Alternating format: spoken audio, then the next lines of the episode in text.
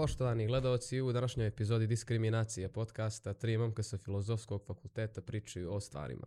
Našeg današnjeg gosta, vjerovatno znate po njegovim genijalnim skečevima i imitacijama crnogorskih političara. Znači, s nama je bio Filip Vešović i sa njim je bilo zadovoljstvo razgovarati o temama kao što su kakav je izazov stvarati sad neki kreativni sadržaj u sredini kakva je Crna Gora, pa i do nekih ozbiljnih generalnih tema, kao na primjer da li do odliva mozgova za Beograd i Novi Sad dolaze zbog boljih obrazovnih i karijernih prilika ili zbog toga što je lakše prići djevojci u grad tamo nego u Podgoricu.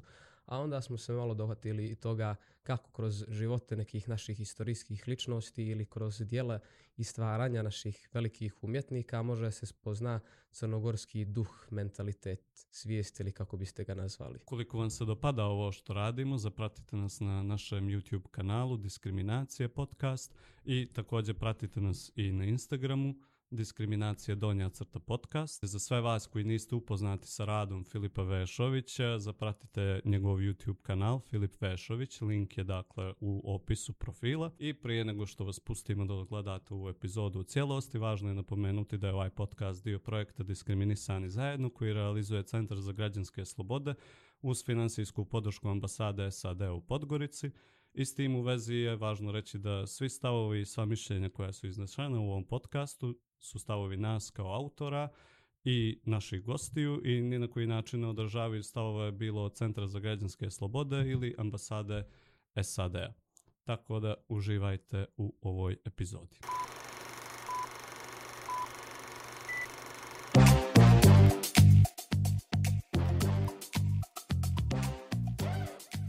Filipe, prvo hvala ti što si došao, što si izdvojio vrijeme za nas. Moram da ti kažem da sam veliki fan tvojih imitacija još odavno, još od prije par godina kad si počeo sa njima. Ali eto, da počnemo od nekog pitanja. Kako si time počeo da se baviš i koji je to, koja je to imitacija koja ako probila što se tiče riče i pregleda? Pa počeo sam da se bavim, ono, malo sam i dosadio više ali s tim objašnjavanjem, ali to je nešto što je svakako nužno da se da se kaže. Počeo sam to 2016. godine, neđe u oktobru, tad su bili oni parlamentarni izbori u Crnoj Gori, sad ne znam koji više koliko ih je bilo, a nisu svi baš toliko značajni. Onaj državni udar. Državni udar, da, bilo je prije toga, to, tad su bile te aktualnosti, sve to i ono, bila je baš nikad živopisnija kampanja. I onda, ono, tad ja nisam ni studirao ni radio i ono, ali nije sam znao da imitiram tako pomalo u kući, familiji, društvu. Za prijatelje, braću, kumove. Prijatelju, jest. To bi još Marko Bulat. Yes, yes, yes. ne znam, ne mogu se sjetiti. Uglavnom, a, a, i onda je tako sve počelo. Ustao sam jedno jutro iz kreveta ne znam da su bile pidžame, dugačke gaće, one svitice, što se kaže po crnogorski. Samo sam uzao telefon i YouTube se imao, tad sam dobio novi telefon, kupio. I onda je sve tako počelo. Imalo, ne znam, 3-4 dana. Sam, sam brzo snimio ovaj drugi, nekih 50.000 pregleda, što je tad bilo. Crnu Goru malu, sad malu. To je i sad dosta. Da, Da, da, da. da, da, već je imalo tad ono, pregleda i tad su krenule taj gostovanje i sve to. I kažem, prvo jedan, pa sam snimio drugi posle nekoliko dana i ali sam vrlo brzo se zaustavio jer ne znam, nisam imao toliko motivacije, nisam bio u ovom režimu u kojem sam sad. Ko zna zašto je to dobro, ja vjerujem da se sve dešava s nekim razlogom i onda sam završio sa tim i tek posle, eto, posle godinu dana sam snimio taj sa Denirom, skeč imitacija i onda sam upisao fakultet i tek 2020. sam se vratio i evo me tu sad srećao s vama. A jedan moj utisak to je, ispravi me, ako misliš da nije tako na samom neđe početku, to su bile vrhunske imitacije, ono da prekriješ, da staviš crn ekran, da slušaš, da ne znaš da li to pričaš ti ili ne znam, Dritana Bazović. Hvala. Ali kako je nekako vrijeme proticalo, ja kako sam pratio svaki novi činjelo mi se da se tu ide u sve dublje dublje upoznavanje psihologije tvojih likova, gdje si žestoko razvio scenarije i karikature neke pretjerane ličnosti, ono, na primjer, Bečić je ultranarcisoidan, Drita Nabazović, ono, gleda kod koje će ženi da se javi, ono, da ne nabrajam dalje. Imaš i ti utisak tu da si, da si razvio scenarije na mnogo veći nivo nego sa početka.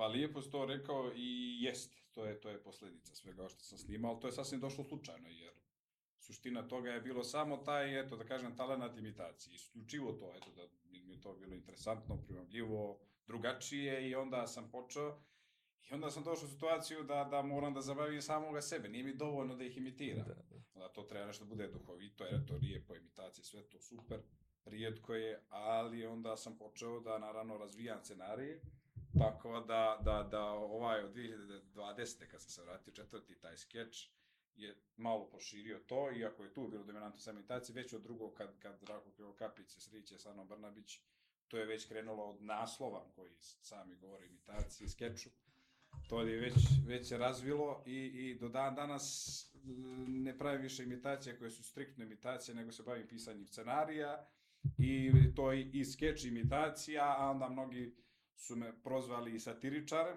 što i jeste svakako, kroz svaki taj skeč, opet posledica je i taj skeč i pisanje scenarija, psihologija i ta satira je suštini posledica samo te neke moje razrade da bi neku samo sebe, sebe zabavio.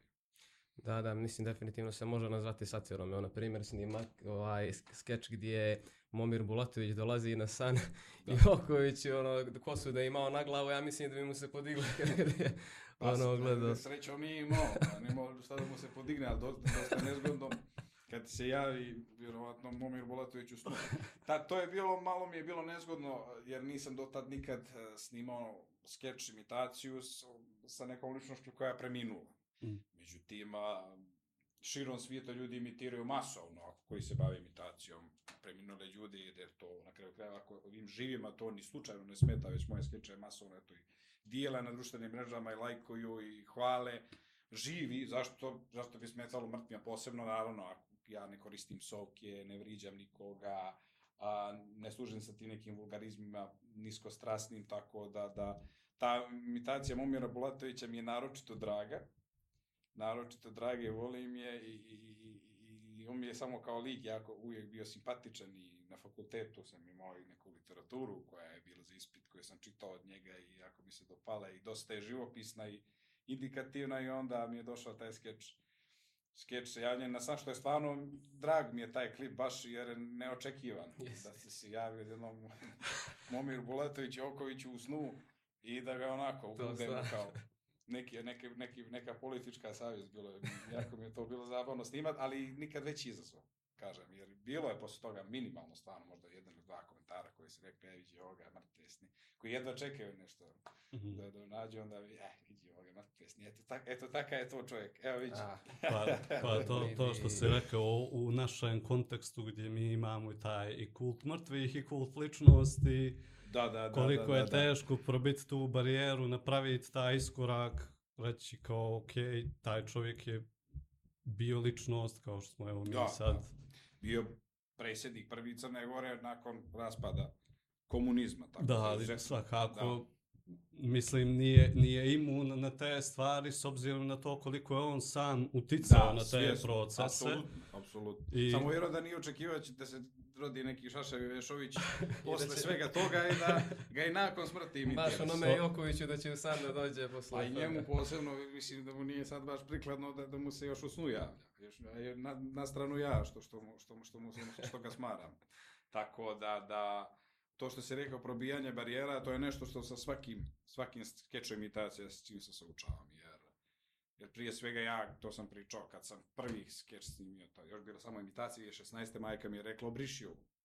Briši ovo, sprdaš se ljudima, ođe, nema, to je sramota, to je strašno, ako nije majko, to svi rade, to je imitacija, to je šala, to nikog ne vrijeđa, ma kak izbriši to i onda sam objavio, vidio da se vidjela niko ni se nije vrijeđao i dopalo je se to i ono, pouka je ekstremno rijetko, ali ponekad treba i ne poslušati roditelje.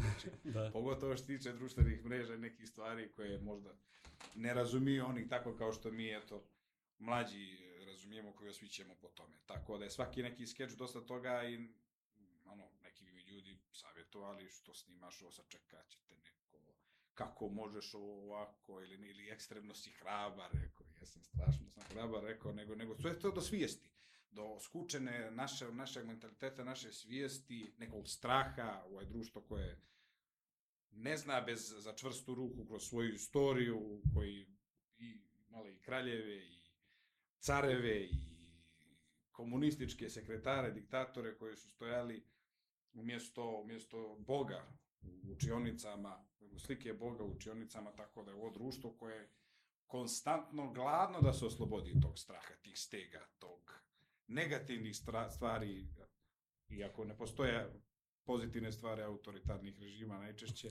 ali ono, drago mi je što sam uspio da probijem te neke taj neki led i te neke stege da, da, da skinem sa sebe, a nadam se da će to ostaviti posledice pozitivne na društvo. O, i tekako, i tekako. Pa to vidim, ono, i ljudima se sviđa, kao to je, to je, to je glavna poenta tu koja da. se izlači iz sve te predstave, da je tako nazovem, te političke scene. O, da. Ti si ti htio Da, nešto ne, nego to sam htio sam da se osvrnem na ovo što kažeš, što kažeš za roditelje. Nas, nas kao i mnoge, mnogo, mnogo velikom, ovaj, nas kao većinu crnogorske djece, roditelji su iz ljubavi. Naravno, opet zbog toga kulturnog obrazca, mentaliteta, svijesti, kako je nazivaš, vaspitavali da kako da ne napravimo grešku. Da se slučajno gdje kome ne zamjerimo i tako dalje. I možemo se dotaći posle toga ovaj, koji su to istorijski obrazci koji su doveli to, to je jedna tema koju često o često ovdje obrađujemo. Ajde, preskočimo, red je bio na jedan. Ali eto, zanimljivo mi je to. Isto ti vodiš dosta računa, računa, računa o tome. Mislim, u Crnoj Gori, ovaj, ako nemaš posebno sa takvim ričom nekih negativnih komentara, vjerovatno ono, nisi ti normalan ako te ne, ne, ako te ne, ne komentariše negativno neko barem. Ali ti ono, ti dosta vodiš računa o tome i to, to realno u radu ti dosta cijenim da se ne kompromituješ u smislu u sredini kao što je Crna Gora gdje imamo ispolarizovano politički društvo maksimalno. Koji god da su tvoji politički stavovi, koga god može da simpatišeš od partije, evo ja ne znam, ali se ne može naslutiti iz svojih imitacija i svojih skečeva, pa skoro pa nikako. Pa, baš mi je drago, jer vidim, vidim da baš pratiš to što radim i da baš voliš i im sve da si mi rekao da jesi, a nisi, ovim si dokazao da jesi. Tako da je baš drago što si, što si tako to izanalizirao. Pa znaš kako, o, vjerovatno mnogi ljudi koji gleda pitanje, ono, kao sad gledaju pitanje, jel on stvarno nije na ničijoj strani. Sad, znaće se to ko, ko za ovo društvo koje svako ima za nekog radi, neke pare, od koga pare uzima, koga drži, koga finansira. Danas je ne, ili gura neku određenu političku partiju skriveno, to je danas nezamislivo, da neki interes nemate finansijski ili politički, da se nekim kreativnim radom bavite, znači, čak i u muzici toga ima. Dosta njih Tamo nam je dominantno. Da, u političke partije, da su radili za političke partije, snimali spotove promotivne za političke partije. Da, jednostavno društvo koje je zadojeno politikom toliko da više da se to možda i više smo zadojeni politikom nego ženama. Znači da se ovde, ovde nužnija stvar politike nego žena. Što je napravljeno, malo to je dosadno ponavljati, ali svakako na zapadnim, sjeverne Evrope zemljama to je nezamislivo. Vas ono ljudi ne znaju ko su im ministri, ne znaju ko su im premijeri i ne treba da znaju ko su. Dok mi znamo od onog zadnjeg 48. poslanika većine znamo u koju partiju bio, gdje je počeo, komu je žena ili koju... stanje. Jeste, koji, ili mu žena u koju odbor ima ili ljubavnicu, a neno neće da ima i je naravno onda naša, naša uvjerenja. I u suštine, zašto se ne kompromitujem, suština je u tome da koliko god to ljudima bilo danas bauk nezamislivo, možda vjeruju da je laž, ali stvarno nemam, nemam namjeru, nego ulazim čistog srca iz toga. Znači čisto ono možda i djetinje neiskvareno da samo pokažem da znam da imitiram i uzgred da se uz to našalim, na, ne, naravno uzgred sve to, ne zbog neke zle namjere, što se i vidi, jer bi se prije kasnije, snimio sam 19 skečeva, znači to je 19 scenarija, znači prije kasnije bi se ja otkrilo, saznalo, ovdje se sve o svakome zna, sve o svakome zna, mediji, tabloidi, iza kulisa, predanja, reklaka, sve se zna. Tako da prije ili kasnije sigurno bi se saznalo za mene da ima nešto. A jako mi je drago što, što, što nisam i što, što stvarno, iako mi možda neko bio antipatičan ili simpatičan, to se u mojim uh, skečevima ne osjeća. Ako nekog izimitira, možda se grubo nekad našali. Među ono se dećem tog protivnika političkog, njegov vidio i na njegov račun, da su ljudi zbunjeni. I ta, recimo, zbunjenost mi se sviđa kao što je nekad bila zbunjenost povodom onog pjevača Bokija 13, on nije se znao muško ili žensko. I on je stalno išao na tu foru da se nije znalo je li muško ili žensko, pa se oblači kao muško, pušti bral, pa onda haljine, pa ovo ja sam možda u tom, u tom, ne znam, crnogorskom društvenom smislu, Boki Boki tri- 13. Boki 13. ne zna se, razumiješ, a u suštini nema ništa da se zna, jer, jer, jer vjerujem da bi se mnogi na mom mjestu koristili, ušli u neku partiju, neki odborčić. Mm, Da. To je kod nas uzorno. Jer kod nas neko kad, kad, kad čak i što kaže Nebojša Glogovac, i kad je namazan, neka vam se ne sviđa, e, rečeno u slengu namazan, pod Goričkom, prije kasnije ako uspije napravi pare čak i nemoralno, znači poštujete ga. To je onaj usud ovog našeg društva, balkanskog, svjetskog, ali posebno tog našeg. Oni me ne interesuju, zanima me moj narod, da ono, nisi se snašao, što ne napraviš nešto toga, pođeš tamo, vidiš, javi se, uzmi, te boli ovo. To što te boli ovo nas košta glave, braza, nerava čitavu istoriju, ono, na nekom tom svom malom planu, igrom slučaja se borim protiv takih uvjerenja, da se snađi se, uhljebi se, uguzi se, ja se često tako kaže, neđe. I onda, ali to, kažem, opet taj neki princip koji držim, e, preduslov da nastavim da dobro radim ovo što radim sa istim, istom reputacijom. A vidi, ja mislim neđe da se, neđe da se ne vidi i ne priča o tome, na primjer, u sredini, kakva je Crna Gora, kako si sad opisao, koliko postoji nekih uh, zaustavljajućih faktora i koliko, koliko nije lako napraviti ovakve inicijative, napraviti nešto svoje, neki kreativni sadržaj, napraviti podcast u zemlji gdje je, kad neko napravi neku inicijativu, glavni, ona glavna kulturna fraza, a gdje ćeš, ja da ne bio šedi, a kad neko napravi nešto na neki drugačiji način, to je glavna kulturna faza. Snaša si. da, da, da. da. Pa, mislim, kažete, možeš nađe vojku, ako se ne snađeš, znači udariti na, na, na sve, znači, glavne instinkte životne, znači, fun- funkcije, ne možeš nađe vojku, gdje ćeš, kućeš, ko će tebe, pa onda onaj vic o medo mali, znate, onaj vic, lijepi momak, kako se kaže, A da, Kaže, mršavi lijepi momak, lijep li je greot. A kako se kaže za bogatog čovjeka koji ima para debeo, znači, medo mali. Da. I to je, grečki, to svi ha, ha, šale se na to, ha, svi, svi, se, svi se slažu s tim, Da, da, ne, da, da. i mi smo odrasli u tom društvu, svi mi, ono, kao, ako ne napraviš nešto, neđe se, ne- a naravno politika je suština, početak i kraj Crne Gore, onda, jeli, tako da, ono, mora, mora da nam bude bolje Pa misliš da ima taj neke zasićenost više politikom. politikom? Ili Pa, kipi na sve strane nekako mi se čini.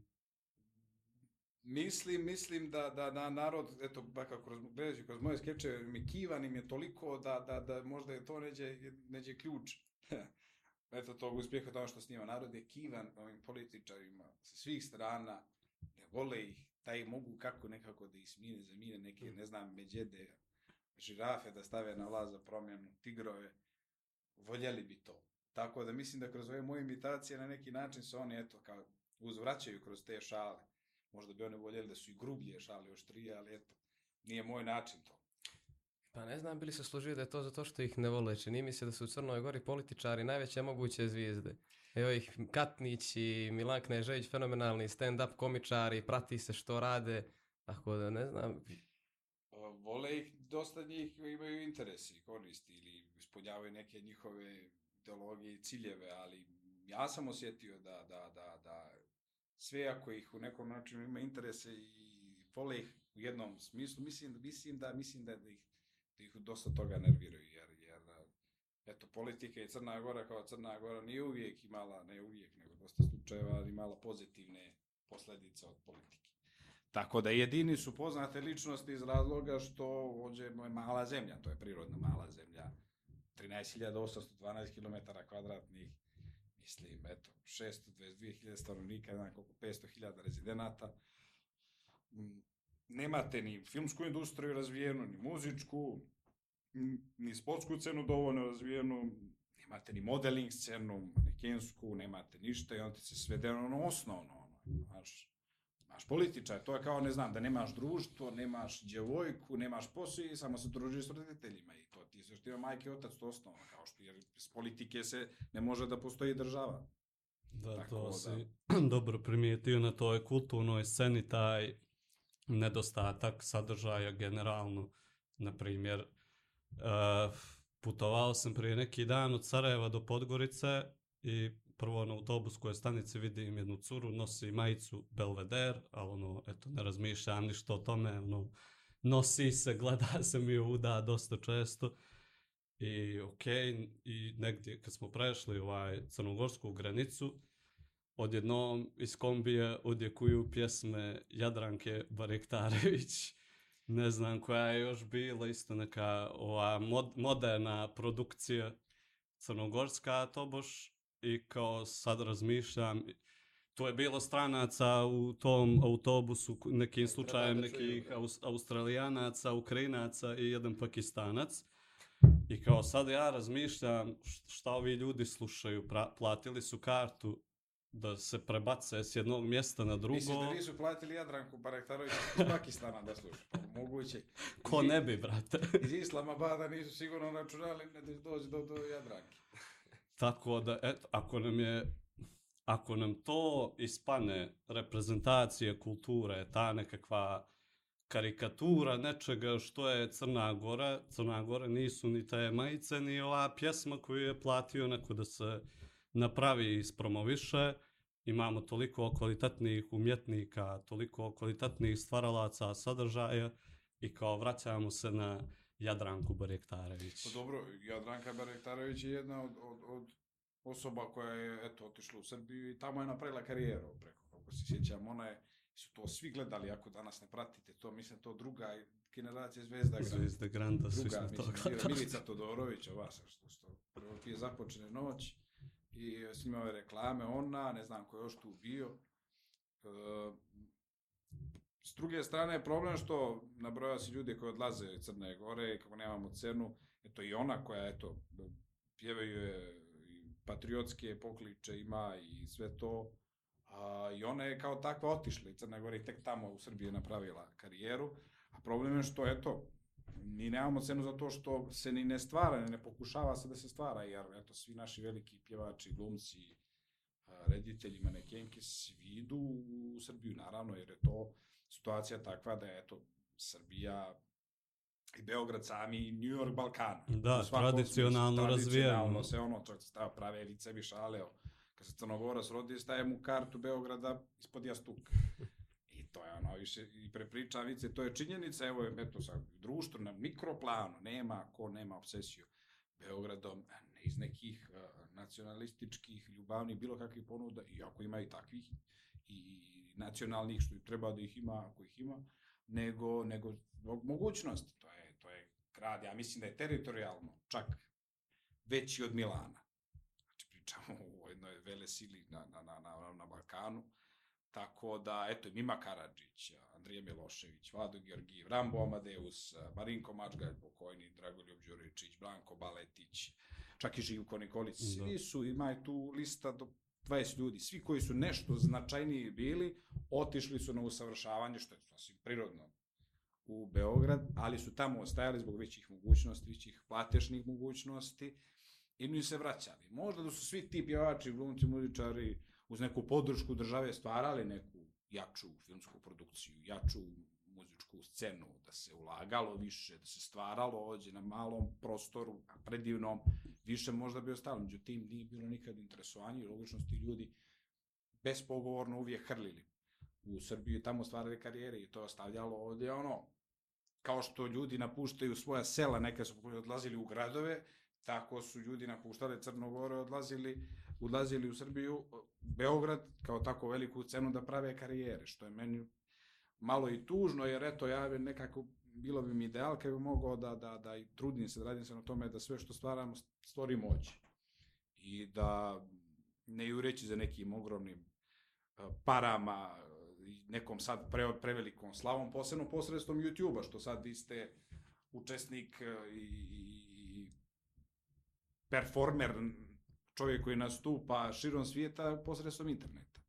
Dok su ranije ljudi 90 80 koji su ulazili u Srbiju i naravno bilo ih i u Bosnu i Hercegovinu i Hrvatsku su, naravno, zavisilo od televizija, mora se budu tamo, sve to, sad je stvarno sjajna mogućnost da YouTube iz svog stana, eto ja sam imao gostovanja nekoliko u Beogradu iz svoje sobe. Znači, nije mi trebala ni televizija, nije mi trebalo da pođem u Beograd da me pozovu, da se tamo dokažem, već sam eto imao snimajući YouTube iz svojeg, svojeg mini studija, koji nije studio sobe, sam ustvario to posredstvom YouTube-a, tako da možda neki mladi muzičari, ovako komičari, umjetnici mogu da ne vidim interesovanje da ljudi se bave YouTube-om. to je ono što, što ne vidim sad nekoga da se, iako se eto probio neke granice, stege, ustručavanja, straha od reakcije javnosti, ne vidim se neko bavi slično što pokušava. Duše, evo sad stvarno, ovo što vi radite, ovaj podcast i ovakve inicijative su nešto što je svakako novo.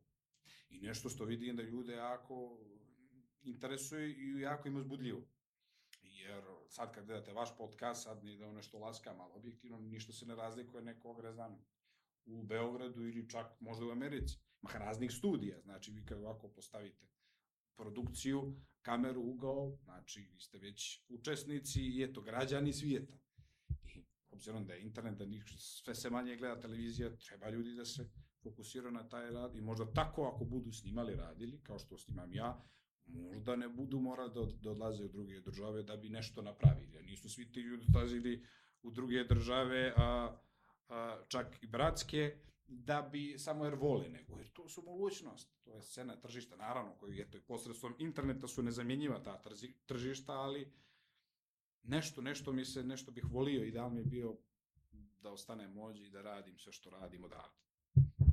Razumijem. Mislim to što si pričao o tim centrima gravitacije Crna Gora, to i tad u Jugoslaviji, na periferiji Jugoslavije nije bilo u centru, nije bila nos, da. država nosilja Jugoslavije, sve institucije, sva kultura, sve to bilo u Beogradu. On je ono melting pot kulture, da, da, da, da. kulture da. Balkana uopšte, da. ako ne i Evrope. Ovaj, eto, evo, evo, i sad smo opet van Jugoslavije na nekoj periferiji neke Evrope, ali ono što pričaš, otvara se svijet zbog društvenih mreža, interneta, raznih razvoja tehnologije u, u transportu, ono, mnogo brže stižeš svuda. Ono, tako da mislim da u tom nekom aspektu ste grassroots ono scene kao da sve pođe od individualaca zainteresovanih za taj rad više nego što će da dođe na primjer ono neka velika produkcijska kuća kao što ih ima na primjer u Beogradu da ona okuplja sad neki tim što opet vidim da bi moglo da se razvije razvija kod nas ima potencijale opet To je sve u nekoj da. pionirskoj fazi, rekao bih. Nema političke volje, znači, ako politika upravlja državom, ovdje nikad nije bilo političke volje da se nešto specijalno nekad pravi. A Crnogorsku akademiju nauka je 74. 75. Ja mislim, 4. tek osnovano u Crnogorskoj. Znači, imate Crnogorsku akademiju nauka koja je, eto, a mislim 100 godina ili 110 godina posle Srpske akademije da, nauka. Da, to je, znači, čitav akademski život ovdje je 60 godina star. Da, to, to je od univerziteta. Kada je ta 45 ili? Ne, nego čak 60. Ja mislim, da, prvo onaj Veljko Lahović, da, ekonomski, da, da, da, da. Ekonomski samo ja mislim, i onda tek posle se da, da. granalo tek 70-ih, ono, da, da. više. Pa to je, kažem, posljedica male zemlje, maloljudne zemlje, ali s druge strane, ja mislim da nikad nije bilo dovoljno političke, političke volje da se posebno ne vidim za njih 3-40 godina isto da se, se radilo na tome se nešto stvaralo, da se nešto ulagalo, pa da snijamo neke ozbiljne filmove. Pa, kao što ne znam, avala film 60. godina Jugoslavije, Ratko Dražević, kontroverzna da je bilo lično, znači nisam fan, čiji priča interesant, dovodila Kirk Douglasa, Clint Eastwood, Elizabeth Taylor u Srbiju, Jugoslaviju, dovodili su neko je nešto, se odluči, ajmo da radimo to. Kao što sad, evo, gradonačelnik Podurica, ajde da pravimo parkove, ajde da pravimo ovo, ajde da pravimo ono, kad im politički odgovara. Znači, sve se može kad se hoće. Ali je kultura i umjetnost uvijek bila a, zadnja rupa na svirali, a bilo uvijek važnije da se bogatimo i da se dobro najedemo i napijemo i, i, i, i, i na, naljubimo žena, naši političari.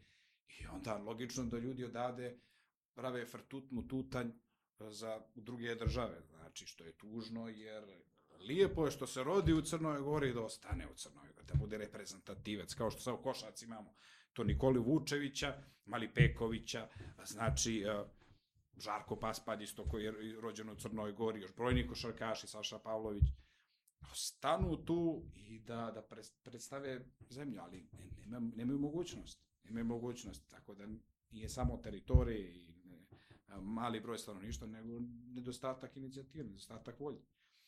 Nema ljepših uh, djevojaka nego što ima u Crnoj Gori. E. Ja sam bio u Americi dva puta radio, Gdje si i bio? nisam se nagledao baš lijepo. U koji si, koji si state bio? Bio sam u State, uh, sam bio u Kaliforniju prvi put 17. i onda u Rhode Island 2019. Ja sam bio naljac ista, isti. E, ja sam za malo bio naljac i mogli, mogli, smo se, mogli smo se sresti.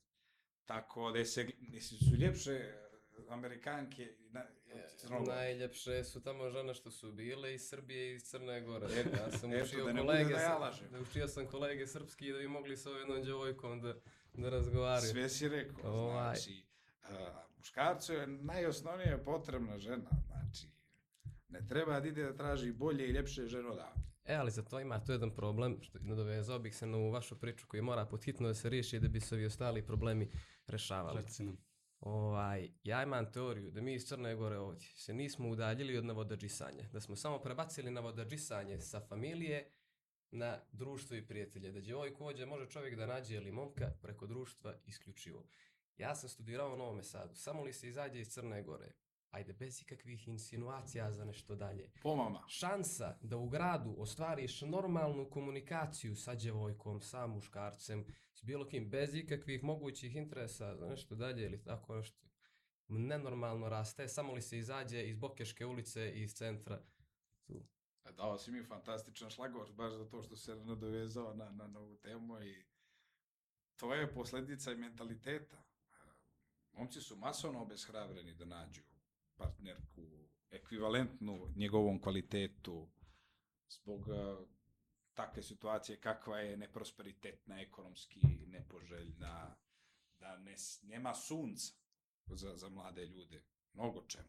I onda momci, još takav patrijarhalni mentalitet koji imamo ovo, da se, da se ne smije šaliti kao na omoplanu, vrijeđaš ako se našališ javno, ako izimitiraš se baješ kome to je uvreda. Isto tako, tako, ono, još ne pamtim više da prelaze momci djevojkama, ja se ne sjećam da sam vidio da u Bokeškoj da je neko stao, Ovo je vrlo slabo. da je ovako se zakopčao zadnje dugme, znači spremio se, skupio hrabrost, Jesam ja prošle godine jedan put. prošle godine jedan put. I- čast. Jel Imala je momka, Imala je mom. ali Ej, to Udata. se dešava. Ima bilo je, bilo je meni takih dok došli ti da on. To je, to je već, to je već njena, njena, njen, njen bezobrazluk. Uglavnom, uglavnom, a, posljedica društvenih mreža negativna je ta što se, ono, ljudi otuđuju u tom smislu prije svega. Mhm. Imamo najljepše žene, ali se manjak inicijative, jer te I najljepše društvo uči, muškarca, ako Bogu. nemaš para, ako ti nemaš dobre pare, a onda ljudi ne znam što će bez u politiku, to su, to je najprofitabilniji biznis, još od ću se. Malo e, zarađuje u bilo kom smislu, sem politike. I onda ljudi, momci, mladi, ako će se dobre žene, lijepe žene, ja, politika, i to je jedina adresa. I onda se masovno, masovno ljudi obeshrabruju, i one žene bi možda i htjele, evo vidi da ti nisi prišao, znači, ko zna kako bi nam tekao pao rating, prilaze, prilaženja ženama. Znači, Spreman se još jedan put za dva, tri mjeseca da priđem. nas će Skupi biti uspje, s boljim završetkom nego ovaj. Ali, šalu na stranu, to je ekstremno rijetko. To je ekstremno rijetko, jer to samo govori o tom mentalitetu gdje su momci ko nemaju neki ozbiljni. A suštini nije tako. Žene nisu, nisu takvi materijalisti. Žena je jednako se zaljubljuje i voli suprotni pol kao što muškarac. I jednako mi sad kad gledamo žene, ne gledamo mali para, mislim, naravno, udavače žene koje žele, ali recimo za neki vezu fino, uživanje, merak, mladosni, znači, a to što si rekao kad se pođe van Crne Gore i opet, to su efekti velikih gradova, metropola, Novi Sad, Beograd, pa i Sarajevo, tamo i Zagreb, ali posebno naravno pri Beogradu, Novom Sadu, nama je sve to daleko i strano. Uglavnom, tamo imao sad, možda je malo degutantno da pričam sad o iskustvima, ali, ali je svakako činjenica, i to je stvarno istina, da i Crne Gore momke imaju najveći rating, znači gdje god da dođu, gdje je zajednički jezik, apsolutno. Dok je ovdje, kažem ti, posljedice mentaliteta, to da se ne prilazi djevojkama, jer nema se hrabrosti zbog takvog vaspitanja društvenog, ne čak roditelj, nego društvo te vaspitava i onda imamo to što imamo i što je možda jedan, jedan od dodatnih razloga što odlazi Vlado Gergijorabo Amadeus Mima Karadžić, recimo, da Mima Karadžić, to je otišao da bi tamo boljih djevojaka se ne upoznao i, i otvorenijih. Ima sad, sad ovaj, čak i šalu naskranu uh, skroz do kraja sa naučne strane, postoje neke teorije, to ja izučavam taj dio mentaliteta ovako iz aspekta psihologije, neđe nečega, nekog dijela psihologije koji se veže za teoriju evolucije. Ovaj, pa baš me interesuje što misliš o tome iz ovako istorijskog aspekta. Ovaj, oni kažu, te neke teorije, da u zemljama gdje je bilo ovako dosta rata, dosta nestabilnosti, da smo skloniji tome da imamo, da, da, da vršimo represiju nad muškarcima i nad ženama, da ne budu slobodni, liberalni, da komuniciraju i, tako dalje. Jer u tim nestabilnim sredinama gdje, da se razumijemo, seksualni resursi su apsolutno najvredniji resursi. Ono, partner kojeg ću da imam, s kim ću da produžavam vrstu i tako dalje. U situacijama gdje je žena gdje žena komunicira sa nekim muškarcem, gdje sa druge strane imamo nekoga koje je kompeticija, tu vrlo lako može da nastane haos. I ono, za to imamo zemlje bliskog istoka gdje su žene potpuno ono, potpuno su Zabrađene. potpuno su, o da, potpuno, da je to što kažeš. I u Crnoj, u Crnoj Gori gdje se ta komunikacija kažnjava, mislim, iz istorijskog aspekta gdje smo mi ratovali cijelu istoriju između sebe, gdje, šta mislim, možeš da zamisliš šta će da se, šta će se desi ako momak i djevojka flertuju na ulici, ono, neko će da izvadi pištolj, ubije jedno i drugo. Da. Pa dobro, mi imamo primjer da prije, eto, 70-80 godina, ni naši očevi, ali već naši džedovi i prađedo i babe, to su sve bili ugovoreni brakovi, to su bili, kao što na emisiji ima u Srbiji domaćine oženi se, ili provodađija, i pa da, je, da se dogovarale su se porodice, se dogovore, imam ja čerku, ti imaš sina, mi poštena, poštene porodice Nanka Luđerovića i smo čuvena porodice Miloševića i dogovoreno su ti brakovi bili, tako se to radilo nekad. Znači, već naši djedovi i prađedovi su to radili tako. Dok je na zapadu naravno drugačije, jer eto, ta Francuska je edukovala čitav svijet samo. A, od Rusije, Balkana, eto, Beograd se recimo zvao, 20. godina su ga zvali Parizom, Parizom Balkana. Tako da to su dru, društva koja su, kojima se temeljeno samo, sami knjiženi pravac, umetnički prosvetiteljstvo. Tako da u 18. vijeku koji su imali to, stvorili su enciklopediju. D'Alembert, Diderot, Voltaire, znači, kogi posebno voli. Mm a, to je neke stvari koje su neuporedive. Međutim, Mene opet simpatično to nešto naše, volim to naše, to opet u svemu tome, u nekom možda neprosvijećenosti, u tom možda seksualnom smislu, možda u društvu nikad ne doživjelo tu takozvanu seksualnu revoluciju koju je Zapad doživio, ali opet mi je drago što ima to i pozitivnih aspekata u tom nekom moralnom smislu. Mislim da su da su djevojke ovdje u toj, toj nekih stiljivosti, možda i te ajde da nek, nije prosvjećenost, ali u nekom smislu muškarci i žene opet vode, vodi se malo briga o nekim takvim stvarima, što mi je opet simpatično i drago, što se vodi briga, hoćete ko vidje, sramote, da no sramotiš kuću, da ono, ne znam, simpatično mi je sve, lijepo je, lijepo je da to ima, jer nije ni taj liberalizam daleko od toga toliko dobar, ima brdo, brdo posledica, tako da, da, ali možemo ovih nekih osnovnih stvari da se oslobodimo, se snimamo, da, da, da pravimo komični sadržaj, da se bavimo kreativnim radom, da, da kažemo to što mislimo. Da kažemo ono što mislimo, da ne daj Bože. A da, eto, recimo, nismo u nekoj političkoj partiji. Danas samo kaže onaj što misli, onaj što ima neko leđa, neko, neko upravni odbor, nekakav, nekakav svoj CK, neki svoj centralni komitet ima iza sebe leđa a, ili politikom se bavi, to jest kaže ono što misli onda kad ima ovo, kad ima efekt. A bez toga nije hrabar. I onda tih nekih osnovnih stvari kad se oslobodio, mislim, ali dobro, dobro ima ovdje brdo, brdo stvari, ova zemlja mala, prelijepa dala, koje su dobre. Eto, sad imamo jednog Pekića koji se rodi u Podgorici, i koji da. je Pekić, koji je uh, drobnjak. Znači, hercegovačko plemeno u Crnoj Gori, drobnjaci. Tu je. Eto, nemoj me lagati. ne daj mi lagati. Tako da, baš je ta zanimljiva njegova priča ta vrijeme čuda, po kojem je posle i snimeni film, on, mislim da je 35 godina napisao to i tad se smatrao star, baš o to pričao o mentalitetu, kakvi su ljudi, generalno. Ono, i teđe na kraju čovjeka koji smatraju da je Hrist, kao reinkarnacija Hrista, i ono, konačno je u dijelu umjetničkom otvorio to, a, a, a, oživio i Hrista bi razapeli. Znači, to je, bavio se mnogo, mnogo, mnogo, mnogo, mnogo interesantnih tema. Samo da smo imali, da se taj Pekić, što je iz Crne Gore, samo njega što imamo i što, što trebamo se krasimo, im treba se digne spomenik u ulici. Mislim, imamo slučajno, ako se neko kredne u ulicu Slobode, piše rodna kuća Pekića. I ima ulica u Zagoriču. Jel tako? Vojislava Pekića. Eto. Eto, ima taj, taj, taj spomen ulici Slobode ulica i to je to, a mislim, imam 90% ljudi ne zna da je Pekić. Kao, ne znam. najveći disident Balkana, lik Da, je da, da, i to- osno, u Skoju je osnovao Zdoj, Da, da, ovaj, da, Savez da, da. demokratske omladine, sa 18 godina uhapsili ga. Da, da, od Znači, komunisti, da, i rekao je da su zlikovci, da nije sa njim, da ih protiv njih, da što je tad se lećela glava i to, ja mislim, moguće posle 48. informirao. Jeste, One- ovo je bilo 60-ih, reći ću sad, ako ne i možda ranije, i onda je ono protjeranje. Da, da, da, Veliku- živio u Engleskoj, da, da. dugo, dugo vremena čitao sam neke njegove intervjue, a ovako da vidite, to je jedan ovako smiren intelektualac, nježan, pametan, ne biste rekli da neki revolucionar, ali ono, a, odijelo ne čini čovjeka i ono, Takvi su boj naj... bije srce, da.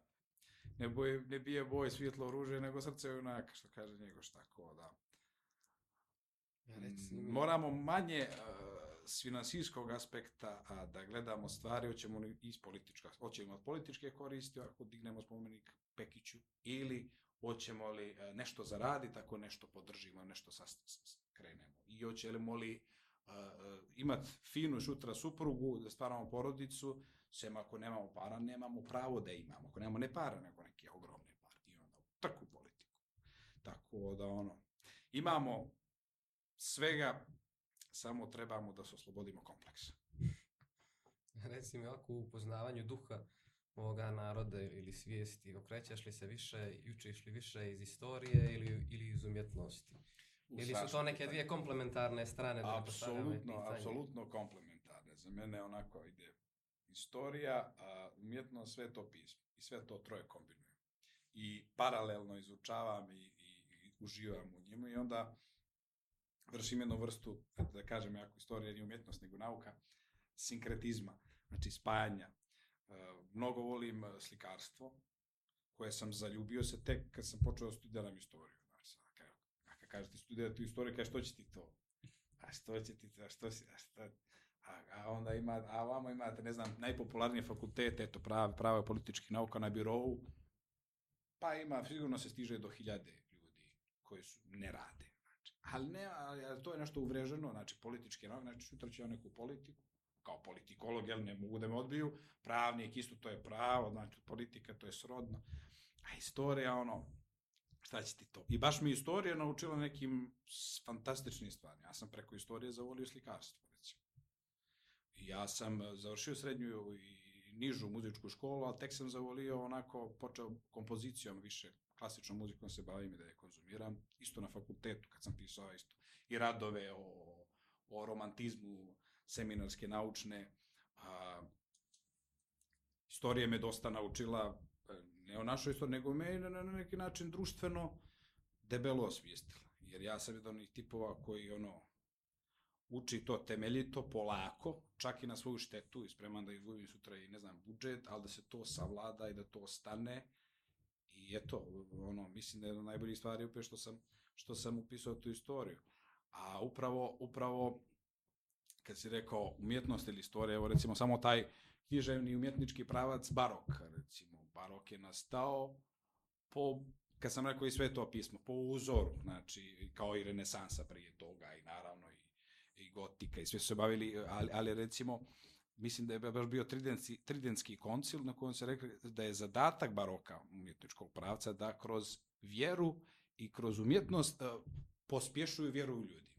Znači, tu su naravno slikari Caravaggio, tu je Rembrandt, tu je, tu je Rubens i, i kroz njih možete da vidite divimo se svi recimo tajnoj večeri, divimo se svi polaganje Hristu u grob, divimo se svi Davidu. Znate, koliko je ljudi, a što zna za Davida, a ne zna da je David i sve to pismo, to je Biblija. E to, nego je Biblija nešto što treba, što je strano, što je što sveto, do sad, uh, pušti me tamo čas. A gledaj ko je David super. A ko je David? A David je onaj fini, onaj ima ma, Iz malu, ima malu stvarno, ali, ali, ali, ali je baš ono, to je Zgodan strašno. momak. Zgodan je to je strašno dijelo umjetničko, ali ne zna odakle, jer, jer se onako uči se da završi što prije, upiši nešto sa svi upišu, posle se gurni neku partiju, što te boli, onda ćeš naći djevojku, ono će da pare, onda tek onda ćeš naći da valja, o, tu. I onda umjetnost i istorija su i zajedno sa svetim pisom moja bukvalno hrana. Ne mogu bez jednog, bez drugog, bez trećeg. Znači, ne mogu bez eh, filmova, ne mogu bez slikarstva, ne mogu bez klasične muzike, ne mogu bez savremene muzike, naravno istorija mi je profesija, a, a sve to pismo mi je neko osvešćivanje i duhovno nadoknuće i nešto što me svakako svakodnevno, mislim na nekom ličnom planu, pospješuje. Tako da, da, da umjetnost jedno bez drugog i drugo bez trećeg sve zajedno ne mogu. Mislim da se sve troje debelo prožimaju čitavu istoriju. Tako da, da, da, žao mi je što, naravno, ti kompleksi tiču danas da se, naravno, nema se para i onda, kako se kaže umjetnik, aj, to je neki umjetnik tamo, nema tome da, para, neki pustinjak, što će nema centa. Da. Ili kad neki muzičar danas, kao reći, Marija Šerifović, u Srbiji, koja je pjevala tih, tih fantastične su to bile pjesme, to su pjesme, čak na momente, čak imaju obrise opere. I on je u jednom momentu počeo da pjeva turbo folk, klasični, znači ne narodnu muziku, jedno je naravno, drugo turbo folk. Jer tu su pare. I onda mi Kvadričani kažu, a što, ano što će? A eno će tu umjetnik da izigra, a makni mi se častiti. A onda slušate one zvuke, što bi rekao Kusturica, a, koji se napajaju na kontejnerima Pakistana, Turske i najviše Grčke. Znači, jedno je izvorna i kvalitetna muzika tih divnih zemalja, to istorijski su jako impozantni, kulturno, ali ti, mi smo sprajali tehnologiju i, i ono, tupc, rita mašinu zapada i, i, i Južne Amerike. autotune. Da, i to autotune još na kraju. Spojite Pakistan e, i brazilske ritmove i još autotune Da, da. koji ne znam, ne znalo mu se Reggaeton. Montenegro. E da, reggaeton Montenegro, da, ali to je nešto, To je drugo. to je Pa drugo. ne, reggaeton kao ovi A, tonovi. da, da, da, da, da, da. Da, To- nego prosječan slušalac će reći, a to ti isto kao rep, i onda će, neće, neće shvatiti. Ali da, da, i onda ono, svuđe se miješa ta, ta, taj, to nije ambicioznost, ta, ta, ta žudnja za novcem. Nije to neki, neki, neki čak ni možda neki karijerizam, to je kompleks niže vrijednosti. To je kompleks, to je inferiornost. Pa to je opet Crna Gora socijalni status, ti ne možeš da imaš ovdje dobar socijalni, je li Uroš Tošković, jedan od najvećih umjetnika Evrope, ne Crne Gore, je li on imao bolji socijalni status, s druge strane Mila Đukanović ili... Nije, ali malo, Mila je vrlo teško imati bolji socijalni status iako ste u Americi. I po Forbesovom magazinu teže njega, njega, nego nisi do, da, da, to ti kasnije pitao, ima li, ima Sa- li, ili Tošković imao bolji socijalni status od Lebrona Jamesa. Nije, nije imao Tošković, ali Tošković je važio, eto ja, koji znam ljude, da je vrlo, vrlo pristojno živio od svog umjetnika. Ali naravno on izuzetak. Izuzetak je to, eto, stari, studirao u Parizu, znao Picasa, znao, mislim, Stvarno je to samo, dobro da, se njega pomenuo. mislim koliko, koliko te kul, kulturološke obrazce obri- oblikuje imidž Mila Đukanovića, Jeste. a koliko ga oblikuje imidž Uroša Toškovića. Da, da, da, da, da. Pare žene, pare žene i vlast, na drugoj strani umjetnost, Da, strast. neki lik s bradom od Da. metar i po.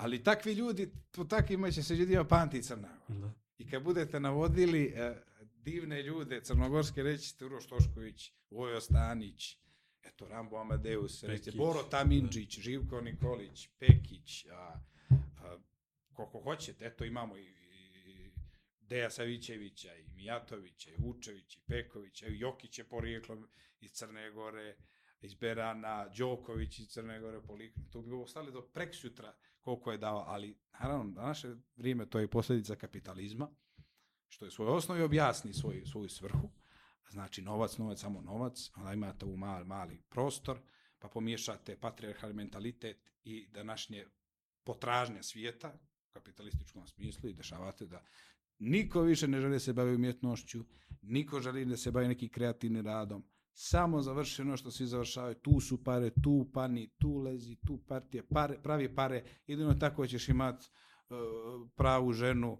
I onda su bezbroj ljudi se okreću i bavi se onime što ne treba da se bave, šta, šta možda nisu ni talentovani ili mediokriteti u tome što rade, ali to društvo ga tako vaspitava. Pa da, stvoren je taj obrazac, Da. jednom kad I sad je pitanje da li će čovjek da se odupre tome, kaže, da opsuje čak.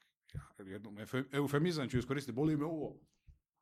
Ja ću da guram svoj fazon. Naravno, morate da imate neku osnovnu, neku podršku porodice, okruženje koje će vam to omogućiti. Ne možete vi sad izigravate a, a, a Voja Stanića i Vermera iz, iz, da nemate da, da margarin. Ali srećom, ja kažem da je to, ja vjerujem u Boga svim srcem i vjerujem da su te okolnosti, recimo na mom ličnom primjeru, da je to, eto, Božja volja i Božja, Boži, Božje čudo što, eto, ja mogu da stvaram sve to, a da nisam ni, ni gladan, ni žedan, ni bos, nego naprotiv, jer eto, nisam nikad doživio da sam u nekom bogatstvu živio, ali mi uvijek sam imao to što mi treba, a, to što mi je neophodno, nisam imao neke bolesne ambicije, ali mislim da suština mog rada i suština svega što sam napravio i što su mi ciljevi i mog obrazovanja i svega je to što nemam kompleksa. I mislim da se svemu u tome, svakom kompleksu sam se oduprao. I kad, su, kad sam kao mlađi, kad sam svirao i pjevao, kao mlađi, kad sam star, ali jesam bio mlađi, pa su bile neke tezgice, pa se sviralo, pa svira je ovoga Mileta Kitića, tu su pare, malo ga na svoj način obradi. Ja nisam htio da, sviram, da pjevam i svira Mileta Kitić. Nisam htio da pjevam ako ti treba Doberman, ja ću biti Mita Dirića. Nisam mogao da pjevam.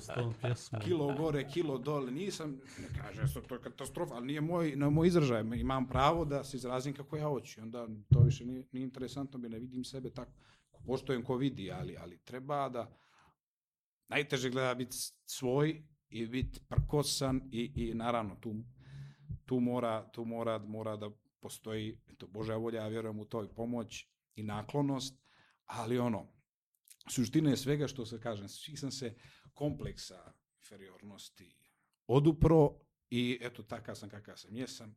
Nisam najbolji, daleko od toga vidim me velika glava, sam glavat, nisam nešto ni prelijep, ali eto, slatko mi je to kao ova jagoda. Evo uzet ću jednu jagodu. Eto, to smo... Mm. Slatke su, ja sam se bojao da neće valjati, ali slatke su kao šećer u njih da su vaše? Domaći. Domaće, jel? Domaće NVO, NVO proizvodnje. NVO. Cega, cega se jagoda. NVO jagode. Tako da, da, slatko mi je to što sam stvorio, a, nemam bolesne ambicije. Nemam kompleks i nemam bolesne ambicije.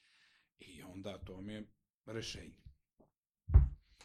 Misliš ta sadašnjost, ta sloboda neka koja dolazi iz te mogućnosti da se upravo baviš i kreativnim radom, Da. sam kažeš i čitaš mnogo i učiš i o, ti, o tim stvarima iz različitih aspekata.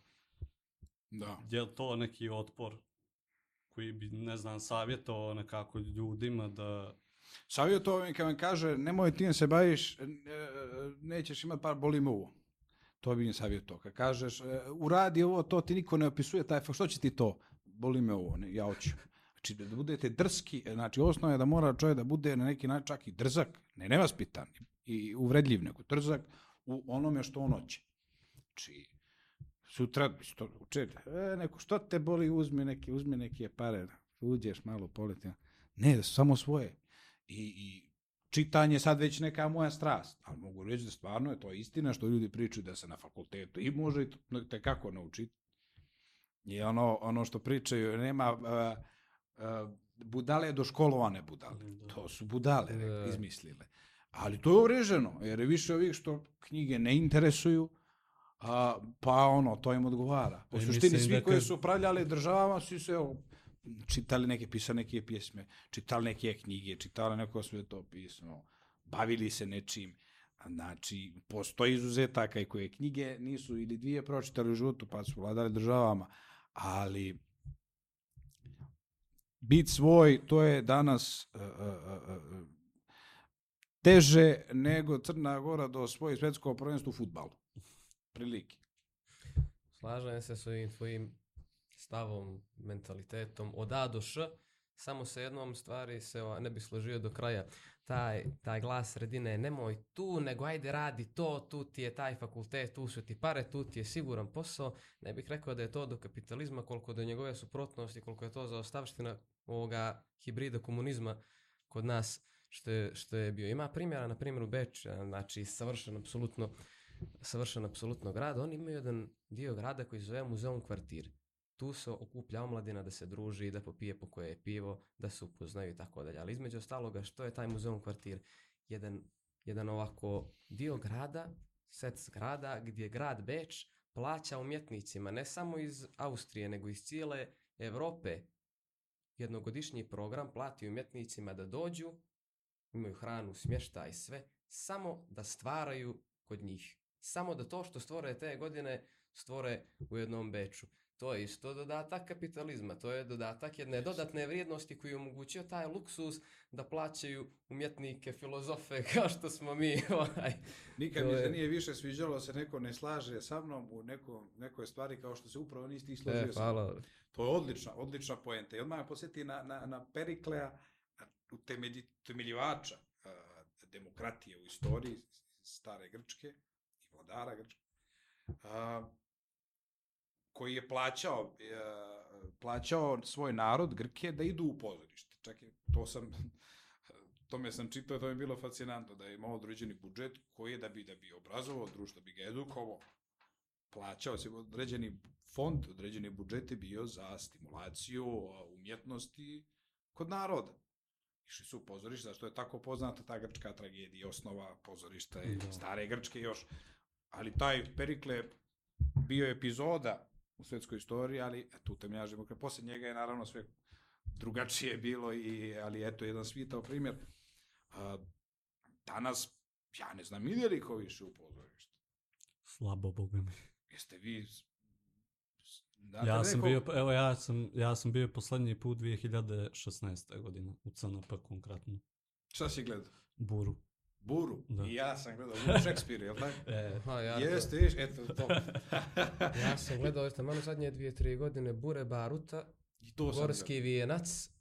Uf, strašan gorski vijenac, strašan je gorski vijenac. To mi je bio. Veljko Mićunović, e, ne, nego njegov otac, Žaga Mićunović režirao. Strašan i strašan je bio jedna, jedna izvedba Vladike koja me totalno, totalno oborila sa nogu gdje sam ja vas da zamišljao Vladiku dok sam čitao Gorski vijenac, stvarno sam ga pročitao 3-4 puta. uvijek Jesi uživljavao da si vladika dok Uvijek, čitaš? da, da, i uvijek sam ja to nekako radio, to pričam šapućen, depresivno nekako, sam za sebe. Mhm. A ovaj, ne, sjećam, ne znam, ne sjećam se ko je bio glavni glumac. Ovaj je napravio izvedbu nevjerovatnu gdje je Vladika, gdje je Vladika pa skoro pa histeriše. Dere se to što može, ne zna što da radi. To Da, je da, bilo da, da. fantastično.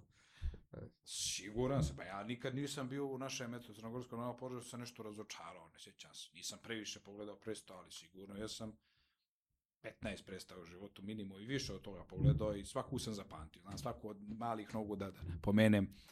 Uh, znači, pozorište kao takvo da se više čitaju knjige, a ne da se samo po Instagramima slikavaju posle nogice kako knjigica stoji plažica, stiga se tu i ona čita knjigu i naravno nešto vatreni naziv kockar ili tako što je vatreno, što na interesuje Dostojevski i to što da, pozadina tog, ne, kocka, a, ki- možda misli na Kiju kocka.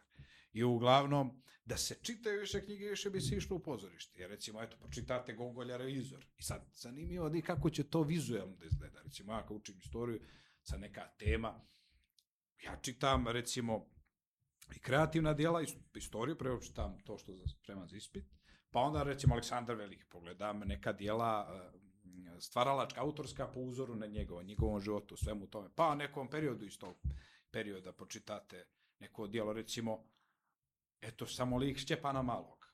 Šćepan Mali, istorijska ličnost, Njegoš je pisao svojim dijelima po uzoru na njega dijelo, o njemu, ali je to njegovo autorsko dijelo bilo. Ima film Šćepan Mali, iz prvi crnogorski film iz 1955. A, a, a, mislim da je a, Velimir Stojanović režiser i Ratko Đurović scenarista čuveni. I imate o, o, o, još bezbroj drugih knjiga istorijskih o, o Šćepanu Malom, koji je najveća mitska, li, mitska ličnost u istoriji Crne Gore. I recimo sad postavite predstavu, ako se čitate, interesujete tako neka lično, čitate na Dostojevskog, evo sad recimo Andrića sam gledao, gledao sam Andrića u pozorištu, ja volim, to mi je miljeni pisac, i bila u Kicu Budo Tomović uh, um, predstava gostujuća, ja mislim, ne znam odakle su gostujući iz Srbije, tako nešto, iz Beograda, i predstava Nikina vremena. Ja sam, obožavam to dijelo, to je nešto što me fascinira i sad, je to vizualno.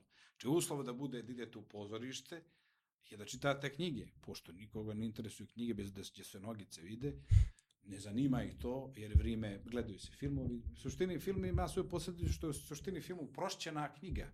O, film je knjiga za lijene. Stavite ono što Tolstoj staje sat i po, stavite to u dva sata, pogledate ono, tamo neka fina haljina, neka fina djevojka, fini momak, zavisi kojeg ste pola. I ono, i pozorište, kažem, kad pričamo o tome, o stimulansu, o kulturi umetnosti, eto, vi ste bili, ali ne, ne vjerujem da možete mi tri druge drugarice nabrojati koje sad aktivno idu u pozorište da su sad pričali. Ne idemo ni mi aktivno, nažalost. E, ne, ja baš ne, neaktivno. On nisam neki Jer fan 16, generalno 26 godina. te, Da. te, te žive, žive izvedbe, ne znam je li to do mene. Da, Ovako, da, da, da, da. više sam fan uh, motion picture filmova, O, anim- pozorište za, li, za lijene. I knjige za pozor, lijene. pozorište i knjige za lijene otprilike. Ali ono, pomenuli ste Gorski vijenac, to sam uvijek htio da vidim ili ekranizovano ili odigrano. Pa ima, mislim iz da je to- 2000-te. Gledao, gledao, sam, gledao sam film, ali ono, opet bih volio da to bude, Da, da, neki blockbuster da bude pa, neki... ne blockbuster, ali nekako... Pa zaslužuje ima, da bude. ima dosta, čini mi se, nekih ovako i mi kad ga izučavamo i, i u školi kad smo ga izučavali i sve ima dosta nekih rupa u interpretacijama, čini mi se gde se nekad ne prenosi vjerodostojno ta poruka koja se šalje kroz djelo, čini mi se. Ja mislim da je ono najbolje napisana crnogorska komedija ikad. Koja? Ona, Gorski, Gorski vijenac. vijenac, da. Ona reprezentacija crnogoraca u tom periodu je čitavog tog socijalnog života koji se odvija, ne samo, eto ima čak i reprezentaciju vladara, glavnog u- u zemlji, do običnih ljudi kako se okupljaju, razmjenjuju mišljenja, neke priče i to meni je ono genijalno. Pa ja mislim da nije to samo najveće dijelo u Crnoj Gori, u istoriji Crnoj Gori, nego i bivše Jugoslavije. Mislim da se on jednostavno, evo čuo sam sad skoro predsjednika Hrvatske Milanovića citira Njegoša, Srbiji, Njegoš ima ulice, ima spomenike, Da. znači, to samo govori čovjeku, jedna jedna kap u okeanu svetske geografije koja je slobodna bila Crna Gora, tad jedan čovjek tu koji su, koji su obrazovanjem prenosili sveštenici, se rodi takav cvijet u, u, na našem kršu i da tako sjaje da nadvisi. Ja mislim da je to najvrednija, najuspješnija, najcitirenija knjiga u istoriji ne samo srpske, crnogorske književnosti, nego i jugoslovenske. Mislim da niko nije to nadvisio. Sami danas uticaje koje tu ima, i, iako nije po žanru komedije, Da. ali ima bezbroj e, komičnih elemenata koji može da se napravi jedan spin-off samo tih komičnih elemenata, kako bi rekli sad ovi Netflixari. Tako da, da, to je fascinantno i sama ta njegova životna priča i Jes, pa on je djela. najbliže toj nekoj figuri prosvetiteljstva koju mi imamo, bilo se posmatra to u filozofskom smislu, u naučnom smislu, istorijskom, religijskom, Da. kako god da ga gledaš, ipak je čovjek koji je promijenio taj neki tok stvari koji, koji je bio običajen ovdje. Kaže Vojvoda Draško iz Mletaka, gori tamo neka kuća, pozorište inače, a oni se razbježe, ali umjesto da ostanu unutra pa da pogoraju kao ljudi.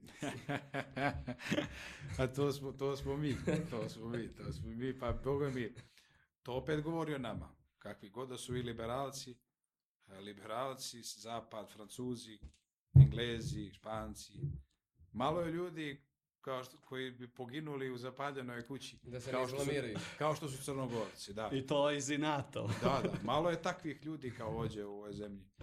Da, da, to mi se sviđa, znači zbog svojih ubiđenja, uvjerenja, karaktera, to nas je stvarno uvijek odlikovalo. Eto sad, kad studirate, to izučavate dodatno i fakultativno, i na fakultetu i fakultativno. to jest sa strane. A, ostavlja nevratan utisak, stvarno ste ponosni ono odakle ste. I onda kaže sebi, ajmo nešto, ajmo da napravimo nešto, ajmo pokažemo to što, što tamo piše, ajmo da, da, da dijelu pokažemo.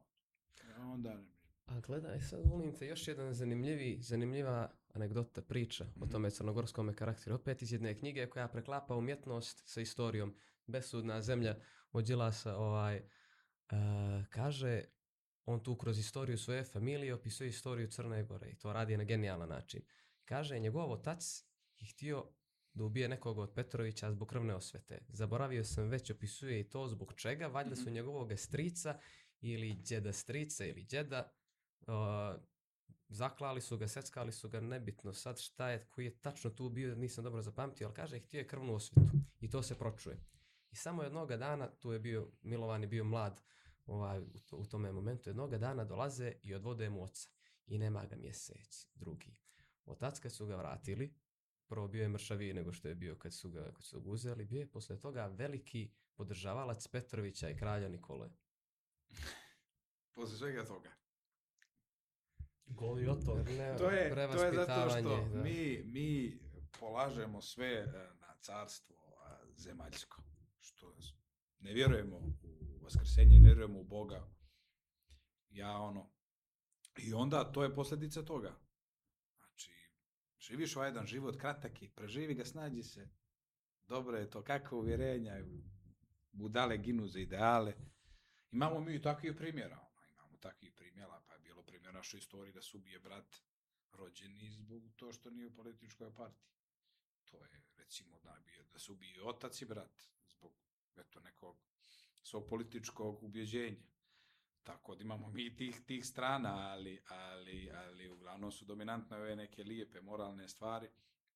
Taj Milovan Đilas je izuzetno, izuzetno interesantna politička ličnost, sad koliko pozitivna, to je stvar, to je pitanje, ali eto, znam da je on stradao jer je htio da liberalizuje komunizam, da ne bude toliko autoritaran, toliko diktatorski, znam da je odavde iz Crne Gore, ne znam da je ređen u Šavniku tako nešto, tako? Ja, ili on iz Kolašina? To je, ta teritorija, da. Pa ne znam, ima priča, ima priča žestokih protiv njega. Znam da je moj, moj deda je bio se 13 godina u Partizanima i Milovan Đilas i, dugo, i Milikići sa majčine strane. Mm. -hmm. Bio Milikići su dugovali krvnu osvetu Đilasima. I kad su se sreli, prađed i djed su se već spremili tomu nekoj osnovnoj školi u Bilom polju su okupljali, već su se spremili ili da bježe ili da ga ubiju. On je u tome momentu oprostio krvnu osvetu kad ih je sreo. Od ovoga momenta nema više. Svaka čast ti od 13 i po godina nosiš mitraljez. I zanimljivo je tu je ova još jedna knjiga. Taj moj deda je posle toga ovaj, napisao knjigu o tome gdje je neke, neka dokumenta vadio, zove se Ratnim stopama Milovana Đilasa, gdje je pisao o tome kako su na raznorazne moralne, etičke načine, ovaj, po svim mogućim osnovama, komunisti probali da ga raskrinkaju. I donekle je napisao knjigu ovaj, gdje, mu, gdje pokušava malo da mu obraz daj da kažemo, u to koliko je moguće da, da, da se spasi, da se spasi, ali ne znam što da mislim o njemu, ima takvih priča, ima priča koje su katastrofalne. Sad, gdje je tu istina, ne znam, mnogo bi se bolje ti u to razumio. Pa, Vjerovatno. to je, to, je, to je logična dilema, šta da mislimo o njemu. Bilo je lijepih nekih njegovih stvari koje je radio, ali boga mi, jedna istorijska činjenica je da je Milovan Đilas bio utemeljitelj pasijih grobova. E, to upravo na to se To misli. 90% ljudi ili 100, 99% ljudi Crnogor ne znam. Zbog političkog uvjeređenja sahranjivo je bio vinovnik akcije da se sahranjuju ljudi bez nadgrobne ploče, bez spomenika, bez imena, nego kao rečeno u slengu naše molje pod ručkom kao pašča. Znači pasi grobovi zato što nisu bili u kao danas recimo da neko iz Ure sahrani tako neko je bio demokrata ili ne znam. Zavisi posta, ali, ali meni u bilo kom sistemu komunističkom predratnom ratnom posleratnom da se ubijaju očevi da se ubijaju braća da se sahranjuju ljudi kao psi zbog drugačije politik pa ne znam kako pa izdajstvo njima nekada je bilo to izdajstvo je sve što je kontra današnje svoje politike danas evo današnje politike to se ne zna ko je već izdajnik. Svi jedni druge optužuju ovaj izdajnik, ovaj izdajnik, da viš totalno a, i sveli ste se da, da, da jedino razumijete riječ izdajnik kad neko izdaje neke stani nekretnine, jer ova je druga obesmišljena svoje značenje ima izdajnik. Tako da su radilo svašta ta njegova njegova ličnost interesantna, svakako, njegove knjige, mislim da je pisao čak i Njegošu, ima knjigu Njegošta besudna zemlja u Crnoj Gori, ali pisao je o tom kasnije u knjizi Momira Bulatovića, čitao sam da je on tvorac te te teorije o crnogorcima i srpstvu u Crnoj Gore da kao klatno na satu, ako ga previše gurnete u lijevu stranu, on će da ode u desnu, sad crnogorstvo srpstvo i obrnuto. To je jedna bila interesantna istorijska, istorijska jedna observacija.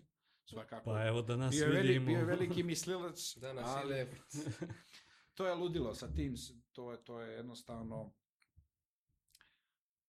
e, znate kako ima ona izreka, kad se neko ufati, govori o patriotizmu, ufati im se za džep, to je neko pametan, rekao ne znam ko.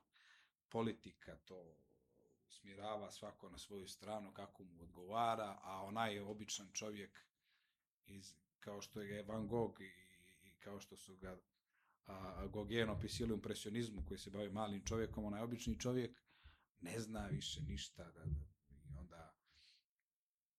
mora da čita, ali i ne da čita ne interesuje. I onda svako ima svoje mišljenje. Svako bi da pogine za ono što ne zna. O čemu ne zna.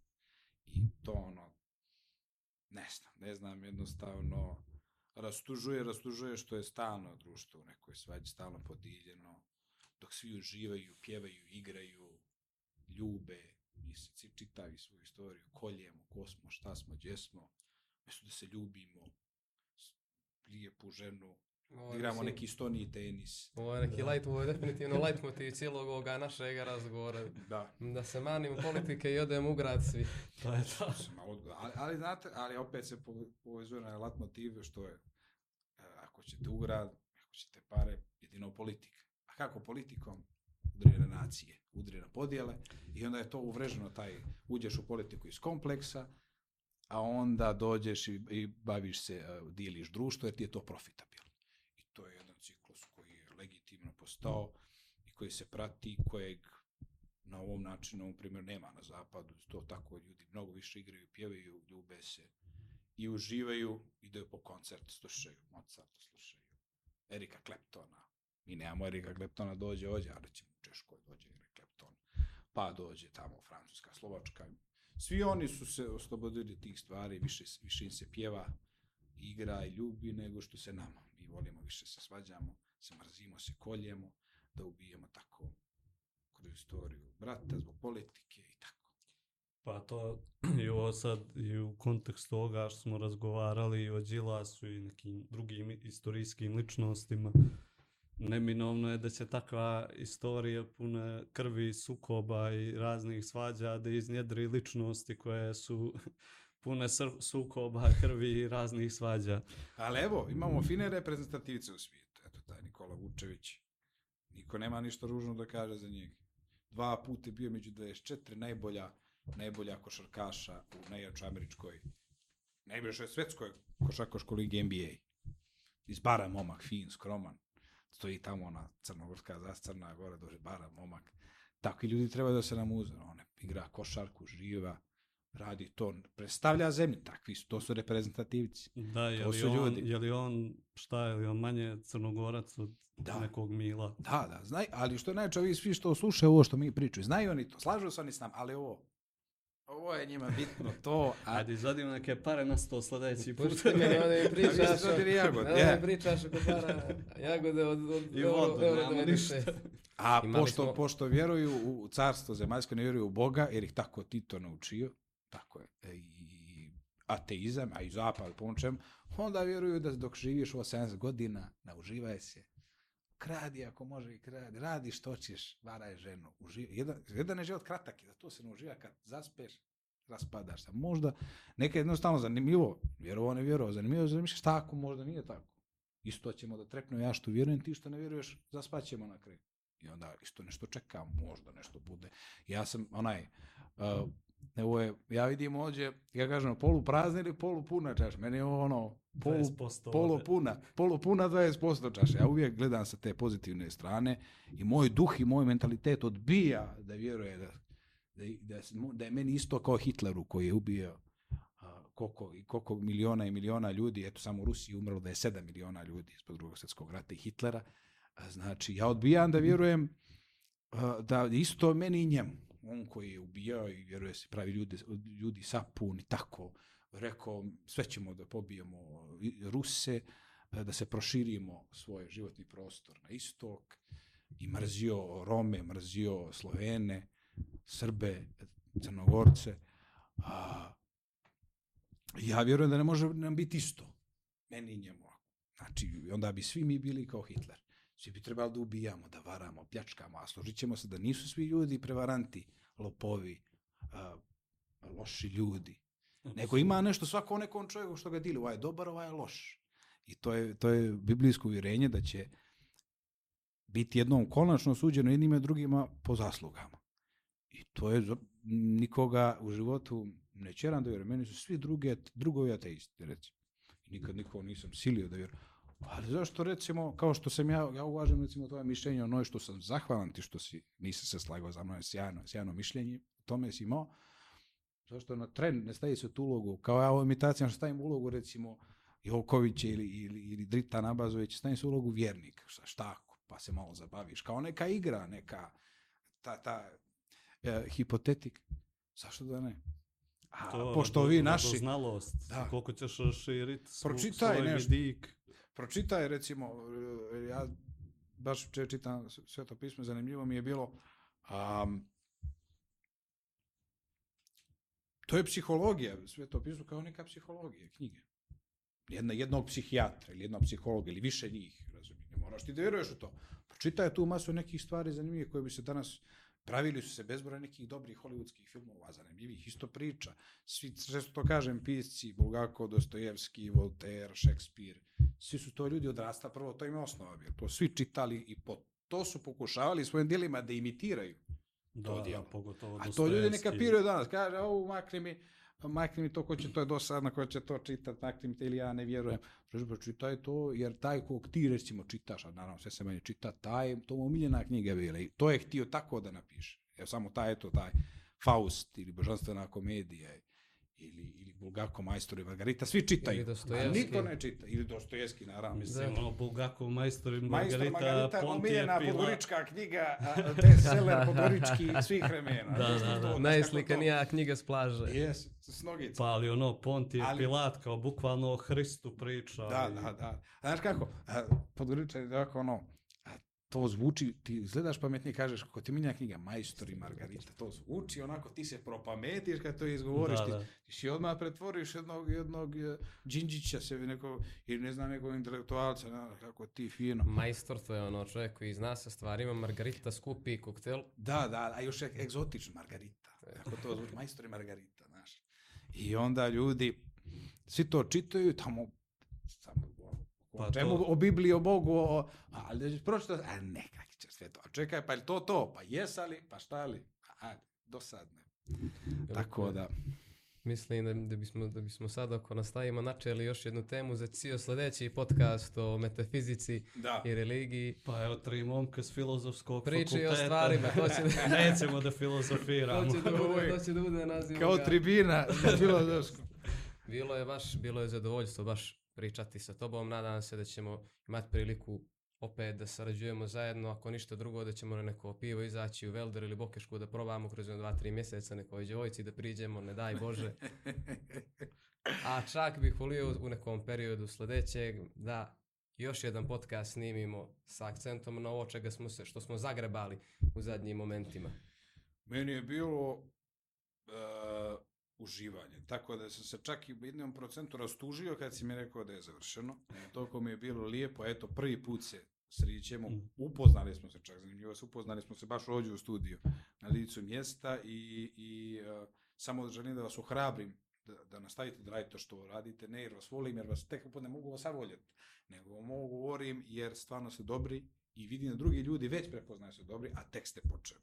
Hvala, Tako da, da samo nastavite, gruvajte neko, vrijetko se da neko ovako mlad se bavi ovako intelektualnim temama, da ima ovakav odziv uh, ostalih gostova koji, koji se bave tim nekim intelektualnim radom, tako da ste mnogo čemu originalni fenomen u Crnoj Gori, tako samo gurajte i radite dobar posao, a mene može uvijek, možete na mene da računate kao gosta.